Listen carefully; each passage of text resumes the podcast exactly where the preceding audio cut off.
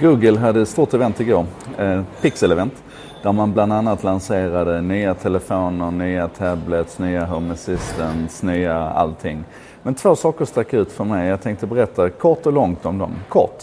Eh, deras nya Pixel Buds som är lurar som lovar eh, realtidsöversättning. Det har ju funnits massor med Kickstarter-projekt på det där området. Det har funnits massor med demos. Eh, och många olika lösningar på att försöka få till stånd en, en riktig babelfisk. alltså en direktöversättning mellan olika språk via en, en hörlur. Eh, nu har Google i och för sig också bara demat, men man lovar leverans inom 5-6 veckor. Och det var en, en schysst demo. Det var Isabelle, en av de svensktalande medarbetarna som har varit med och utvecklat Pixelbuds som var med framme på scenen och hon pratade svenska, presentatören pratade engelska och det funkade bra. Till och med med sådana här språkligt svåra ord som när man på svenska säger att någonting är coolt. Det funkade. Det ser jäkligt bra ut. Bra jobbat där Google. Det ska bli spännande att se om ni lyckas leverera hela vägen fram. Um, och jag har såklart beställt. Um, det andra som jag kanske tyckte var ännu roligare men som, som föll i skymundan lite grann men som jag tror kan bli en, en spännande diskussion. Det är en produkt de kallade för eh, Klipp. Och det har vi nog hört förr. Det är helt enkelt en liten kamera som du kan klippa på dig eller som du kan, kan ställa. Det här lilla klippet på baksidan det fungerar också som ett slags sportställ kan man säga. Och den här kameran den, eh, den eh, jobbar med artificiell intelligens eller åtminstone maskinlärning och försöker analysera omgivningen runt omkring sig. När den ser ett ansikte som den känner igen så sätter den igång och, och, och spelar in. Eh, tar bilder, videoklipp, kan sy ihop det här till giffar, till små eh, filmmoment och sådär. Och, och avsikten är naturligtvis att vi ska fånga de där ögonblicken som vi annars tappar.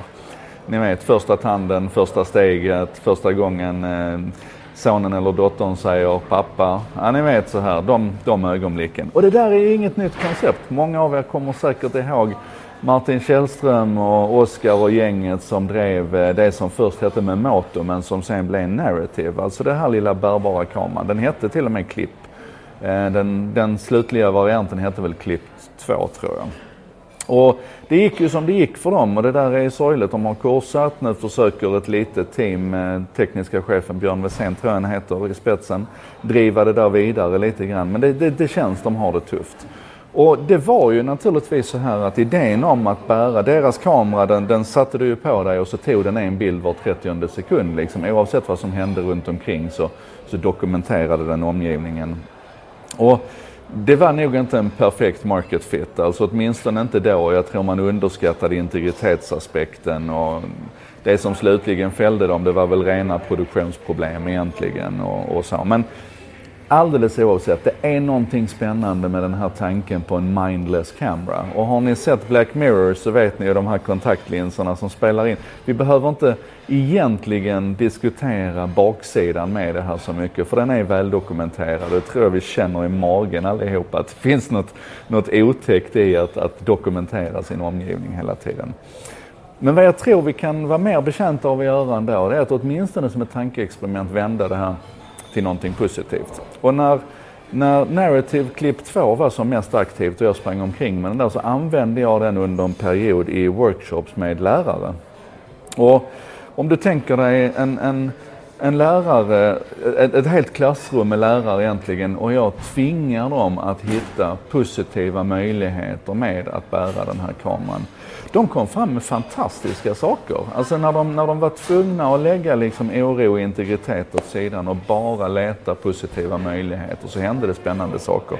Till exempel att man med hjälp av den här kameran på sig då kunde analysera sitt eget beteende i klassrummet i efterhand. Alltså vem ägnar, du vet med ansiktsigenkänning påkopplat, ägnar jag vissa elever mycket mer uppmärksamhet än vad jag gör åt andra.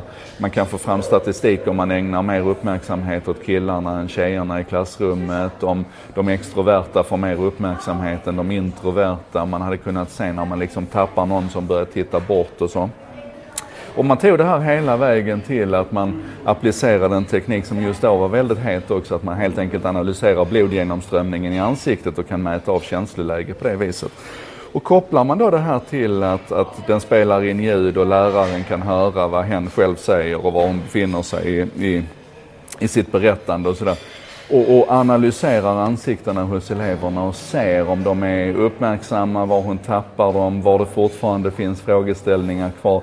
Och sen i efterhand kan använda det materialet för att gå in och göra en fantastisk utbildning av det. Ja men ni är med va? Och det är det jag tror att, alltså så, Lägg nu den här dagen på och, och låtsas att du går omkring med en sån här kamera på dig hela tiden och fundera på positiva möjligheter. Vad skulle den här kunna göra för dig?